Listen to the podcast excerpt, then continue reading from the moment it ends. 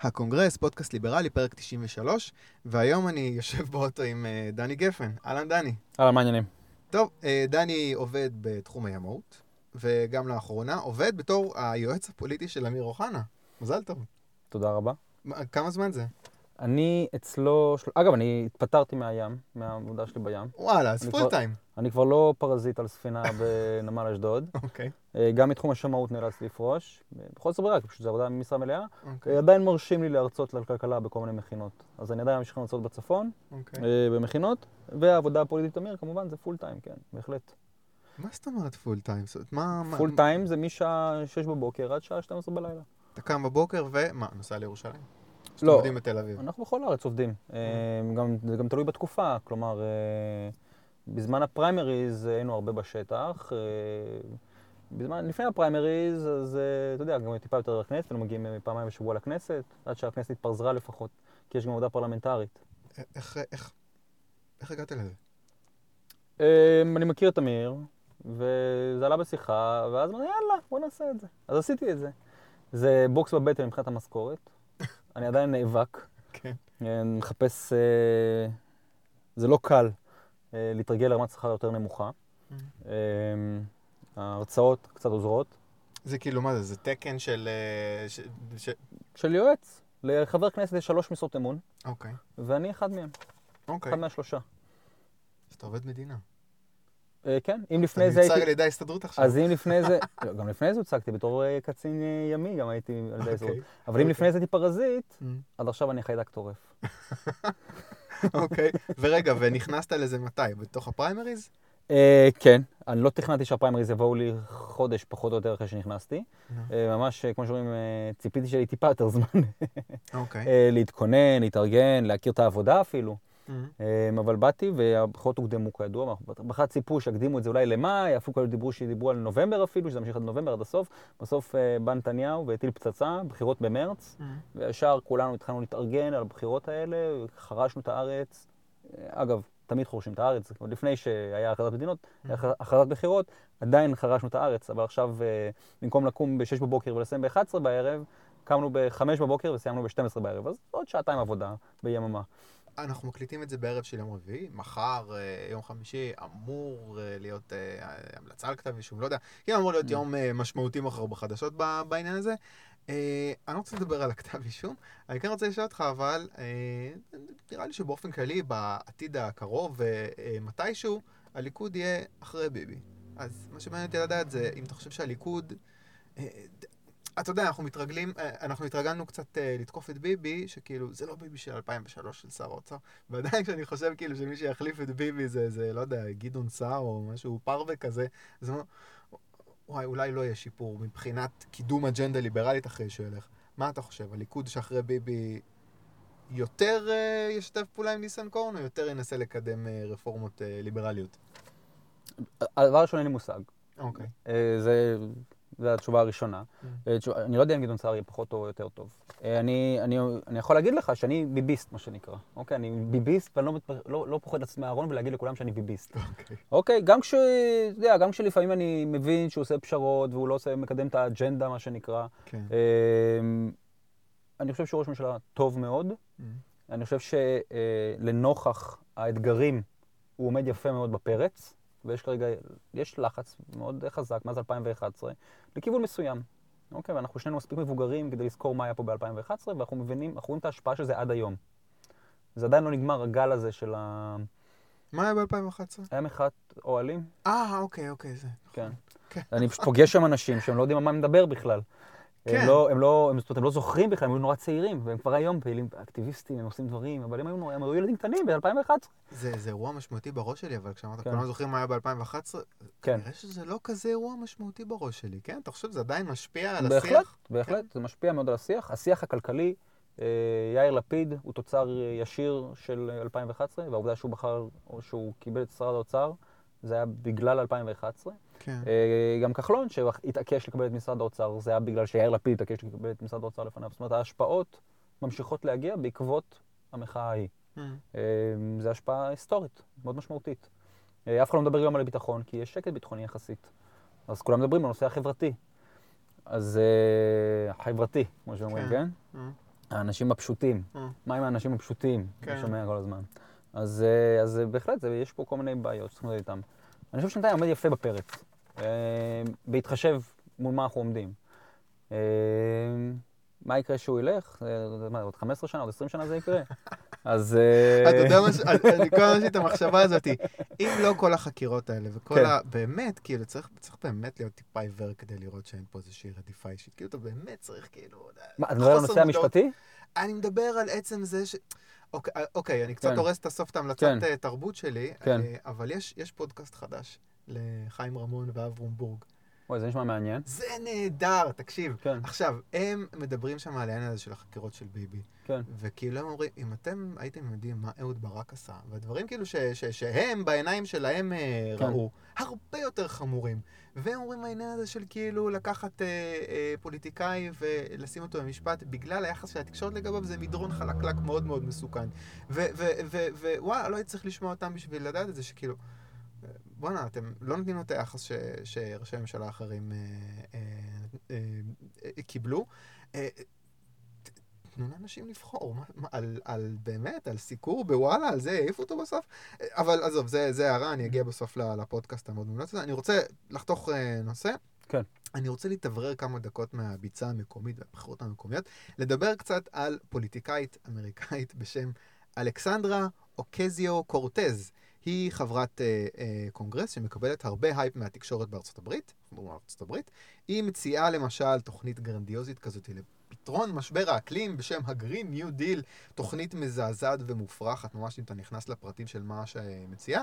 אה, אה, ולאחרונה, ממש לפני כמה ימים, אגב, גם ה New Deal המקורי לא היה מי יודע מה, כן? כן, אתה, יודע, אז בונים על הדבר הנורא הזה, אבל יש כן. לזה כאילו מוניטין כזה של משהו גדול שהממשלה עשתה שהיה טוב. לא חשוב, כן. זה, זה, זה מזעזע וזה מזעזע עוד יותר. לאחרונה היא אמרה שלאור משבר האקלים ייתכן שאולי זה לא רעיון כל כך טוב להביא ילדים לעולם. אתה יודע, אני שומע אותה, אני מנסה להבין מי פה מטורף, אם זה היא שהיא כל כך מנותקת מהמציאות ומהקהל בוחרים שלה, אפילו במפלגה הדמוקרטית, או שאני לא מבין שהעולם השתנה ולדעות לגיטימיות להביע, אסור להביא ילדים, אסור לנסוע במכוניות על דלק או במטוסים בכלל, תתרגל. אה, מה אתה אומר, זה, זה היא משוגעת או שזה אני משוגע? אה, תשמע, היא ספציפית, אני לא... לא אני מכיר אותה? לא, אני מכיר אותה, אני... לא שמעת? על התופעה שמעתי, בוודאי. כן, אני שמעתי אוקיי. אותה מדברת מדי פעם וזה. אה, השאלה היא כמה היא בעלת משמעות, כן. או שאולי איזשהו משהו תקשורתי יותר. אני מרגיש שגם הנושאים שבהם היא עוסקת הם נושאים שנורא קשה למדינה כמו ארה"ב אה, לכפות התנהגות מסוימת על האדם הפרטי באופן כל כך... אה, כי, תחשוב, אם נורא חשוב לה שאנשים לא יעשו ילדים, אוקיי? היכולת שלה כפוליטיקאית במדינה כמו הברית היא מאוד מאוד קטנה. זאת אומרת, היכולת שלה לגרום למשפחה לא לעשות ילדים היא מאוד חלשה, ולכן אני לא כזה מודאג ממנה. יש בארצות הברית הרבה checks and balances, מה שנקרא, ובנוסף לזה, זו מדינה דמוקרטית, עזוב את ה... זו מדינה מאוד דמוקרטית, זה יהיה מאוד קשה לעשות איזושהי מדיניות בעלת משמעות עמוקה. אני דואג ש... אבל אני רואה מה קורה, כאילו... בסדר, היא לא תהיה נשיאה בזמן הקרוב, כן? אבל אני רואה שכאילו כל הפוליטיקאים של המפלגה הדמוקרטית, כאילו, היא מאגפת אותם משמאל, אז הם כזה, אה, Mhm. כן? גם אני, כאילו, אתה מבין, היא מושכת את כל זה- המחנה שמאלה. זה נכון, וזה בעיה, והקצנה, מה שנקרא, אה, בשביל להיות מקורי, או כדי, בגלל שאתם מאתגרים אותך, אז אתה צריך כל הזמן למצוא חן בעיני הקיצוניים, זו תופעה שקורית בהרבה מאוד מפלגות אה, בעולם, Mhm. זה קורה גם בישראל, במפלגות בישראל. Mhm. אה, אני לא בטוח זה שלילי? עדיין... אתה לא אוהב את זה? לא, אני לא אוהב את זה, ברור שאני לא אה, אוהב את זה. אז בוא אני אאתגר את זה דווקא, כן. ואני אגיד לך, רגע, אה, זהות כן תיכנס, לא תיכנס. אני חושב שהשפעה אחת חיובית שאולי יש לזה, זה Mhm. שכאילו הם מאגפים את כולם מימין בנושא הכלכלי, כן. ופתאום גם עכשיו הימין החדש צריכים להוכיח שהם, אה, שהם אה, אה, בעצם כן בעד קפיטליזם ושוק חופשי. אתה מבין? יכולה להיות לזה השפעה חיובית, אם המשיכה היא ב- לכיוון הנכון במרכאות. נכון, אבל אני גם שמרן קצת בדעות שלי, אוקיי. אוקיי? ואני נורא מפחד מרעיונות מהפכניים. אה, אני מעדיף שיהיה איזשהו מרכז שמרני חזק, Mhm. אוקיי? שהוא לאט לאט יתקדם לכיוונים של דברים בצורה אחראית, אה, איטית, הדרגתית. Mhm. ולא שיבואו פה, ויש פה איזה תהליך של הקצנה כל הזמן, זו גם תופעה שנובעת מהרבה פעמים ממה שקשור לרשתות חברתיות, שגורמת להקצנה בשם הרצון להיות מקורי. אה, נורא קשה להיות אה, מקורי אה, באמצע. צפוף נורא. אז אם אתה מקורי, אז תגיד משהו נורא קיצוני. אז יש פה איזשהו מין תהליך כזה, והקיצוני של אתמול הוא כבר לא מספיק מקורי היום, אז כדי לעקוף את זה צריך לעקוף עוד יותר אה, לקיצון כדי לשכנע. אני מסכים איתך בהחלט, הפייסבוק מאוד מתגמל קיצוניות. זה וזה. אה, וזה, זה, אתה רואה את זה גם בפוליטיקה, וזה קצת, קצת מטריד אותי. עכשיו, לדעתי, המסה הגדולה אה, של בני האדם אה, וההחלטות שהם מקבלים לגבי החיים הפרטיים שלהם, אוקיי, זה, זה כוח עצום. זה כוח עצום שיש במדינות דמוקרטיות שהן ליברליות במידה כזאת או אחרת, וזה כולל את ישראל.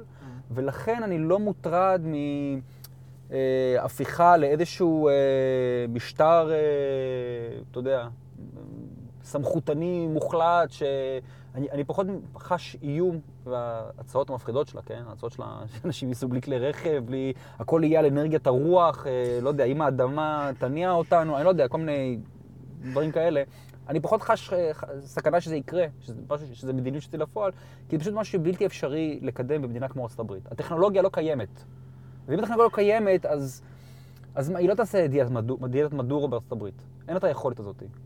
לא, זה לא. זה לא ונצואלה. זה לא. זה מה שאני אומר. ולכן אני פחות מוטרד מהגברת הזאת, ואני גם, גם חושב שההתייחסות אליה. וההדרת שמה, Mm.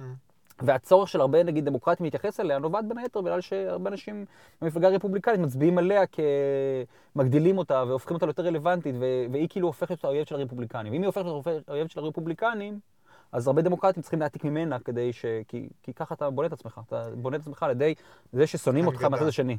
כן, אבל היא מקבלת די הרבה תמיכה גם מהתקשורת שלה, זה לא, לא צריך פה ל- זה נכון, להכניס את אבל... הרפובליקנים. הזכרת את ונצואלה, אגב, מהמם. אתה, חשבתי אם לדבר על זה או לא, כן. אבל כאילו, בניגוד נגיד לעידן דה ארץ, שהוא כתב על זה פוסטים כל הזמן, אתה עוקב אחרי מה שקורה בוונצואלה? כמו רוב האזרחים בעלי העניין לגבי מה שקורה בעולם, אני עוקב. אוקיי, אתה זהיר בהערכות שלך.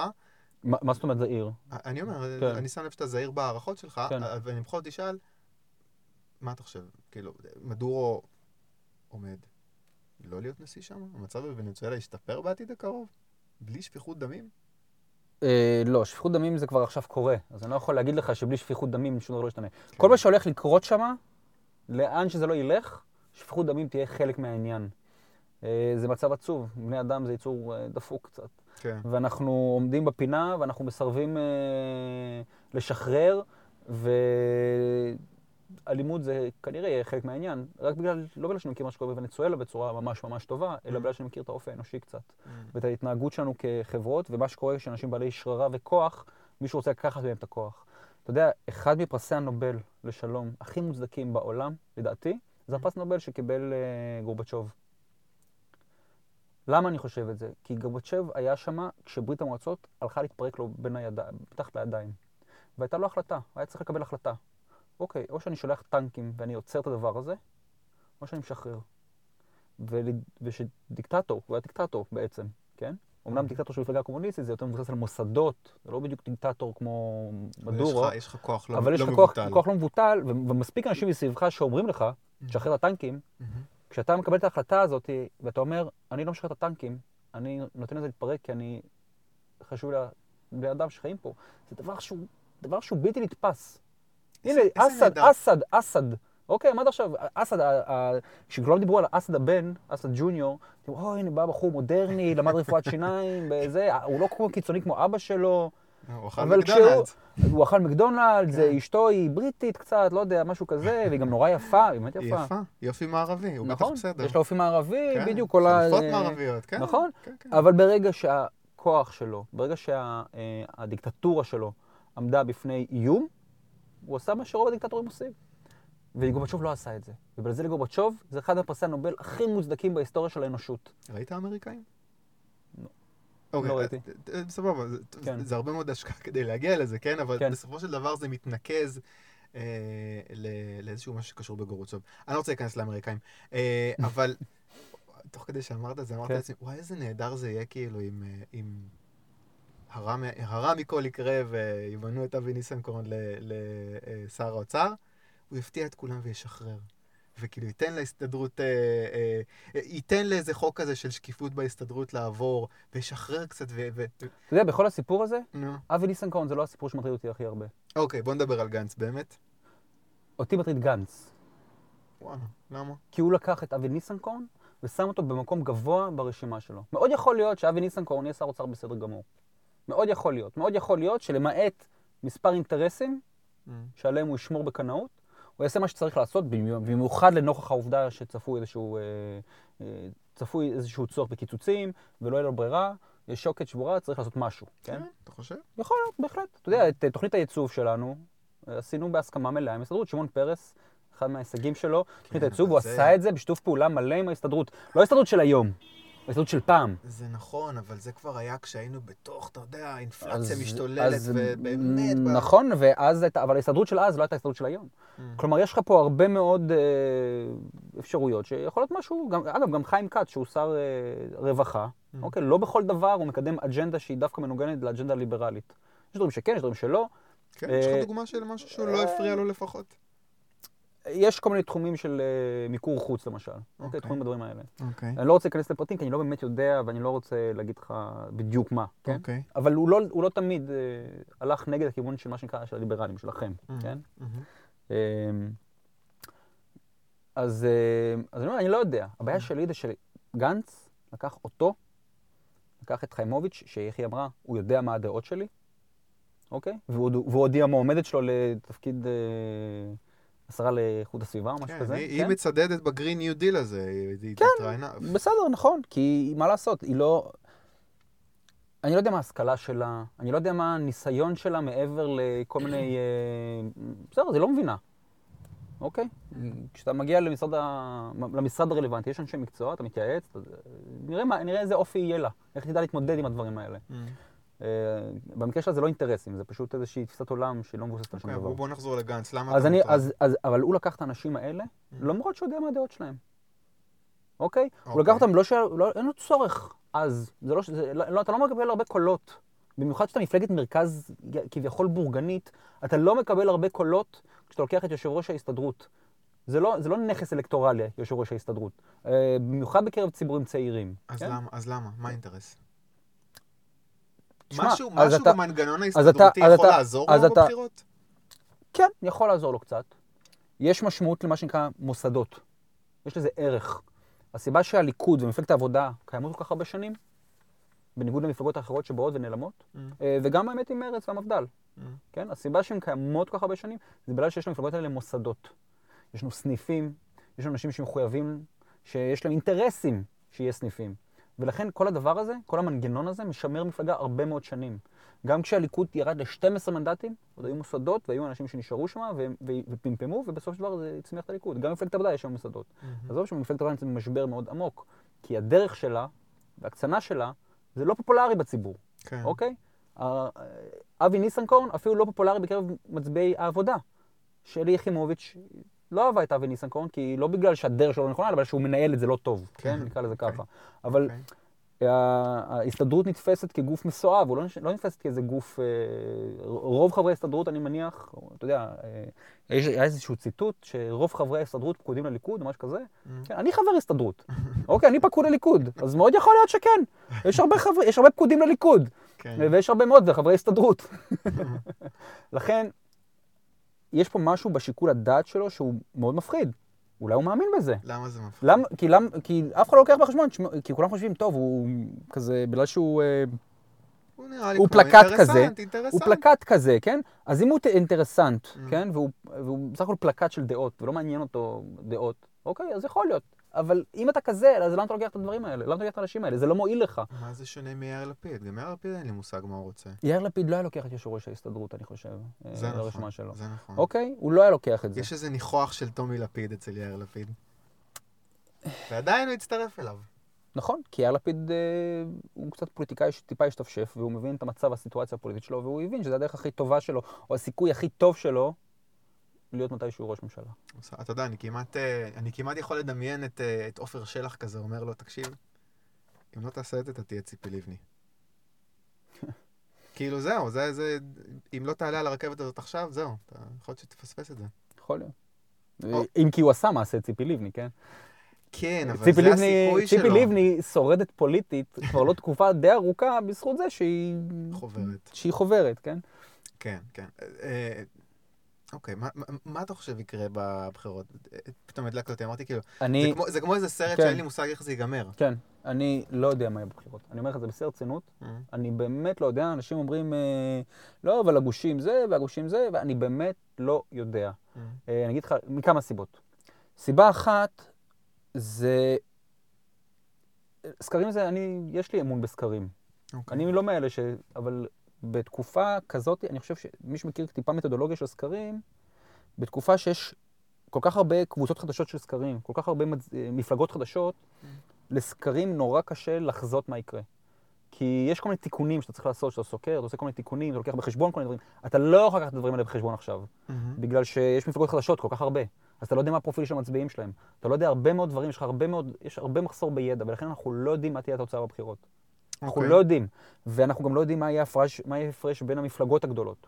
עכשיו, אה, הגושים זה חשוב, אבל גם גודל המפלגה זה חשוב. כי בסופו של דבר, הנשיא צריך להחליט לא מה הגוש הכי גדול, אלא איזה בן אדם יש לו את הסיכוי לעשות את הקואליציה החזקה והיציבה ביותר.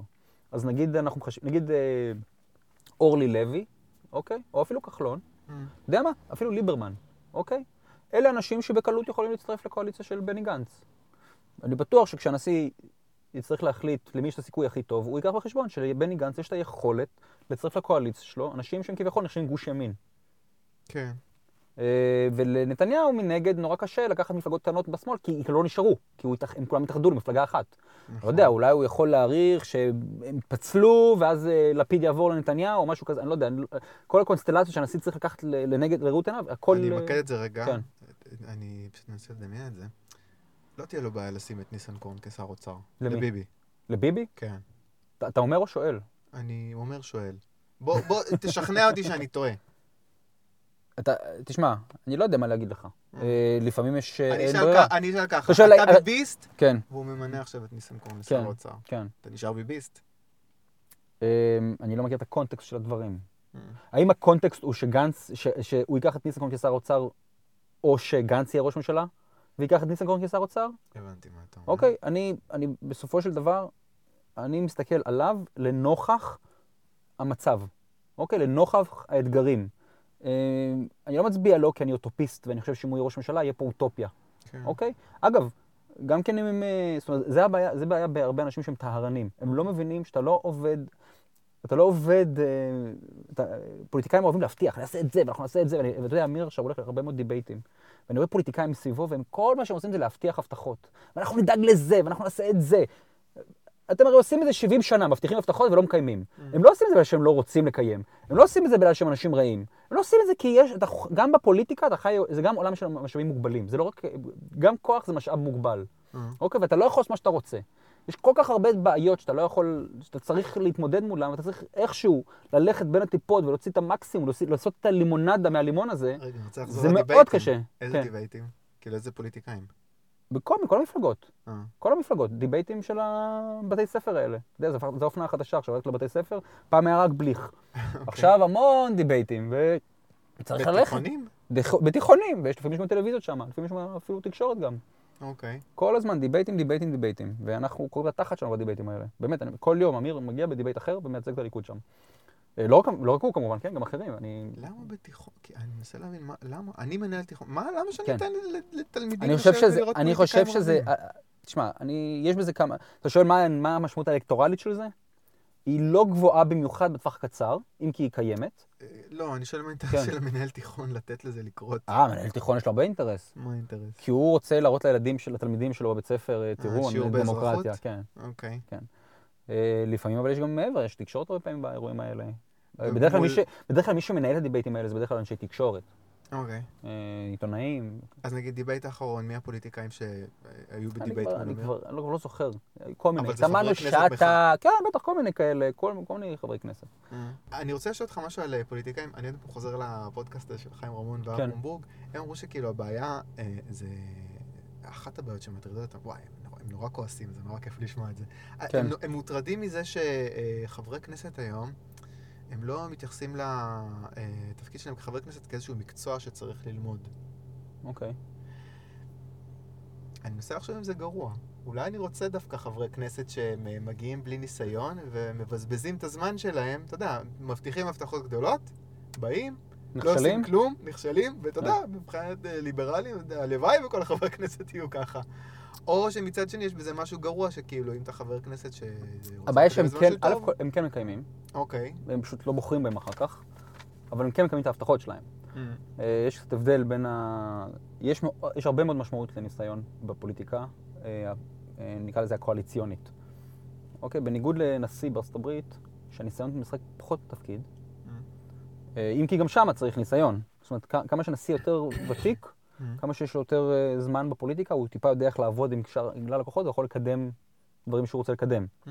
אה, בפוליטיקה הישראלית, הניסיון, נגיד נתניהו, האיכות שלו, היכולת שלו, הרבה מאוד מהיכולת שלו, נובעת בזה שיש לו הרבה ניסיון. הוא היה, בקדנציה הראשונה שלו, הוא נפל תוך שנייה.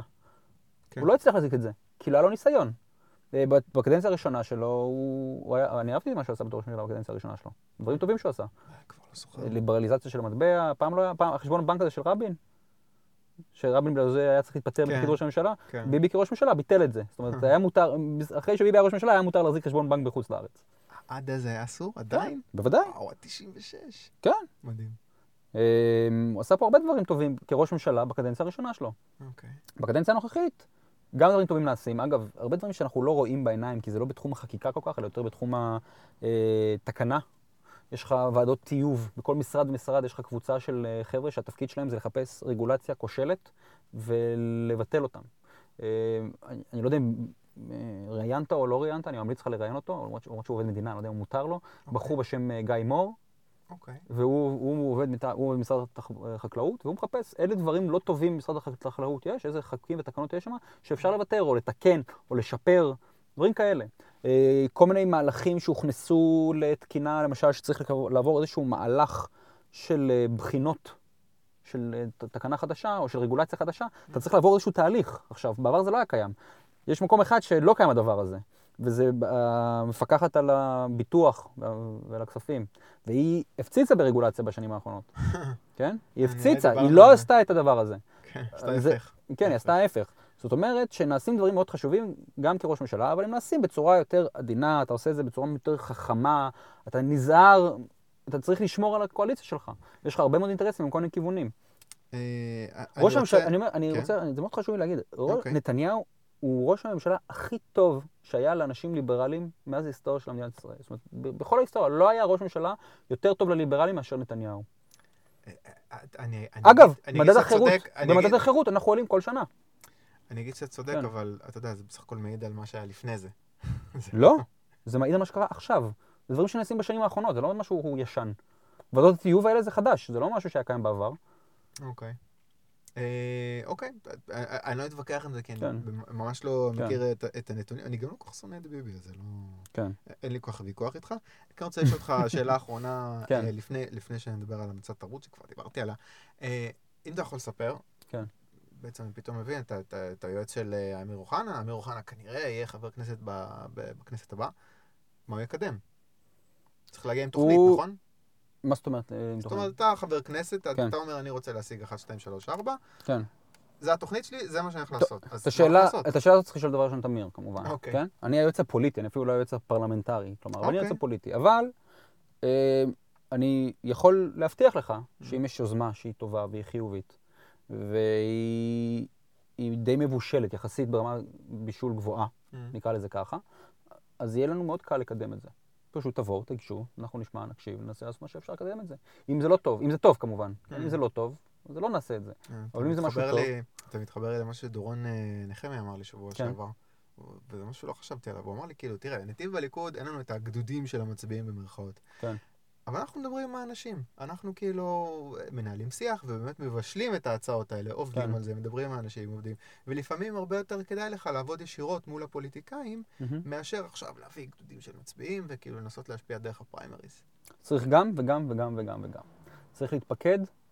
אה, אני ממליץ, מה זה ממליץ? אני מבקש לפקוד אנשים שהם מזדהים עם הליכוד, שהם אה, ליכודניקים, אני לא רוצה להיכנס לכם מה זה בדיוק, אבל לפקוד אנשים שחשוב להם שהליכוד יצליח, לפקוד אותם בכמויות כמה שיותר, אה, להכין אותם שזה לא משהו אוטופי, אוקיי? הם יתאכזבו, כי הם בוודאי הציפיות שלהם יהיו בשמיים, והם יקבלו משהו הרבה יותר אה, לא מרשים, כמו שאמרת עכשיו, כולם, כולם יתאכזבו מהתוצאות. אוקיי? אני כמי שמכיר את הפוליטיקה, אני אומר שהתוצאות מלמדות שהמצביע החופשי הוא יחסית ליברל, והוא הכוח החזק ביותר בליכוד. אוקיי? אני אומר את זה, כל מי שלא ליברל בליכוד, הוא, הוא, הוא מימש את הקלפים שלו עד הסוף. הוא סחט את הקלפים שלו בצורה הכי, הוא השתמש בכל הטריקים המנגנוניים שניתן לעשות. אוקיי? זה עבד. זה לא כזה עבד. זה לא כזה עבד. אתה, אתה, זאת אומרת, זה עבד במידה מסוימת. אבל בסופו של דבר- והוא הכניס עוד שניים. חיים כץ, אוקיי, נגיד חיים כץ הוא, אה, הוא. יחסי, אוקיי, חיים כץ אה, בפוליטיקה מאז 2003. אה. אוקיי, והוא עכשיו במקום ה-13 בליכוד, זה פחות או יותר השיא שלו. פוליטיקאים הרבה יותר צעירים ממנו נמצאים במקום הראשון, השני, השלישי, הרביעי. יש איזושהי מגבלה שאתה לא יכול, יש איזו תקרת זכוכית, שאתה יכול להתקדם ממנה. יש, אין מה לעשות, אתה לא יכול להמשיך ממנה. אני חושב שמי שמסתמך רק על קולות מאורגנים, הוא, זאת, תהיה, התקרת זכוכית שלו. אה, אה, הלוואי, הלוואי בבחירות הבאות, חיים כן. כץ יהיה במקום אה, לא אני. לא, זה לא, אני לא אומר את זה, כמובן. כמובן, אני אתה לא יכול, אין לי בעיה עם חיים כץ. אבל, לא, יש דברים שאני מסכים איתו, יש דברים שאני לא מסכים איתו. כן. אה, יש הרבה דברים שאני לא מסכים איתו, כן, אבל גם יש דברים שאני יכול להסכים איתו. אגב, לא מזמן אה, הוא עשה הקלות אה, באימוץ להומואים, בלסביות. אוקיי, זו החלטה שלו. זה מה שאתה יכול להצביע עליו בוודאות שהוא עשה דבר טוב, ופרגנו לו, אפילו הליכוד החדשים פרגנו לו על הדבר הזה. אוקיי, טוב, כן. אה, בוא נסיים עם המלצת תרבות, ספר, סרט, פודקאסט, אירוע שאתה רוצה להמליץ עליו. אם לא חשבת על משהו, אני אמליץ, המלצתי כבר על פודקאסט, אה, זה פודקאסט שנמצא בערוץ הפודקאסטים של רדיו תל אביב, הפודקאסט של חיים רמון ואברום בורג. אני רחוק שנות אור מהדעות הפוליטיות שלהם כמעט בכל מישור, אבל הם שני שואלים עם פה ענקי. הם ממש אה, אופירה וברקוביץ', רק ששניהם ברקוביץ', הם פשוט מעניינים. זאת אומרת, הם מדברים על גנץ ומפלגת העבודה וביבי בצורה שאתה לא רגיל לשמוע בתקשורת. ניתוחים קרים, אכזריים, שיש בהם יותר מגרגיר של אמת, אפילו אם uh, אתה לא מסכים איתם בדעות הפוליטיות. זה מעצבן ומעניין, פ- פשוט מעולה, מומלץ בחום. זו ההמלצה שלי, מה ההמלצה שלך? אה, יש סרט בשם אה, Other People's Money. או, נהדר. זה סרט מאוד מצחיק, מאוד חמוד, עם דני דויטו. והוא כאילו כזה כריש כזה שקונה חברות בפירוק, זה היה דבר, היה תופעה די נפוצה כי בארצות הברית בשנות ה-80. והוא קונה כי הערך הבורסאי, השלד, הערך הבורסאי שלהם נמוך בעצם מערך הנכסים שלהם. אז מה שקורה, היו קונים כאלה נכסים, פשוט מוכרים את ה- למרבה, למי שמוכן לקנות את ה... לארי דה ליקווידייטור. לארי דה ליקווידטר, בדיוק, other people's money. זה סרט, יש שם נאום נורא יפה, שבו הוא מסביר... אה, עכשיו, אני לא יודע, זה, זה סרט שהוא אני אשים לדעתי... קישור לנאום, אני אכתוב לי. הוא... אה, אה, אה, אתה יודע מה? אני את הסרט הזה קניתי באמזון, הזמנתי את הדיסק הביתה. יש לי אותו, את הסרט, אשכרה את הדיסק, כבר שנים לא קניתי דיסק. קניתי דיסק לסרט הזה כדי לראות אותו. אוי ואבוי, אתה פתאום מזכיר לי, אנחנו עברנו דירה לא מזמן. כן. אני זרקתי את ה-DVDים שלי, נראה לי שזרקתי את ה-DVD שלו. אה, הסרט הזה היה לך ב-DVD? נראה לי שכן. וואלה, אז יפה. לי יש אותו, אם אתה רוצה, אני אביא לך לצפות, אתה תחזיר לי אותו. אוקיי. אה, וזה סרט ממש, אה, אני חושב שזה סרט מקסים. אה, אבל הוא לא פונה כל כך לקהל שהוא, אה, אה, שהוא לא, כבר, אה, לא, זה, זה, זה, זה פונה למשוכנעים. המשוכנעים אוהבים את זה. מי שלא משוכנע, זה קל לחבב את דני דויטו שמה, אבל זה לא, זה לא יחזיר אותך בתשובה, נקרא לזה ככה, הסרט הזה. אבל זה פשוט סרט נחמד, מי שליברל. זה- סרט טוב, מיושן קצת שנות ה-80 בקטע טוב. הוא לא, הוא 90, אבל זו תופעה שאתה קיימת בשנות התחושה היא ה-80. שנות, הש- התחושה כן. קצת היא שנות ה-80. כן. כן, אתה צודק, תחילת שנות ה-90, אבל בשביל הנאום שווה לראות את זה. הוא סרט די מאוזן, לא הייתי אומר שזה סרט בשביל אה, אה, קפיטליסטים אכזריים. יש לנו גם לא, את לא. הצד ה- של המחיר, של ה... אתה יודע, כן. הבן אדם המבוגר, ושמנהל את המפעל כמו משפחה, ומגיע נכון. איש וול סטריט אגב, זה. גם נורא אמריקאי, אה, בעל עסק, משפחתי, שבנה עסק, זה, זה, הוא קפיטליסט, הם, זה שני קפיטליסטים, כן. אוקיי? זה שני קפיטליסטים. וזה עצוב לראות אה, את ה, מה שנקרא, את ה-creative destruction יוצא לפועל. זה ממש. זה עצוב, אבל זה ביטוי יפה ל-creative destruction- destruction, אבל זה גם מלמד שיש טיפה מקום לאופטימיות. הנאום הזה, זה המקום זהו, לאופטימיות. המ- הנאום הזה ממש מוכר את ה-creative destruction בצורה טובה. כן. אוקיי, אז others people's, mon- other people's money, uh, תזמינו את ה-DVD באמזון, אני לא חושב שיש את זה בנטפליקס, אבל אני אשים קישור לנאום, הנאום נהדר. Uh, דני גפן, תודה רבה. תודה רבה לך, היה נחמד מאוד. מגניב, ברשותך אני אסרק את הסגיר. אה, הקונגרס, פודקאסט ליברלי, תודה רבה לדני גפן, ואנחנו ניפגש בשבוע הבא עם עוד ליברל.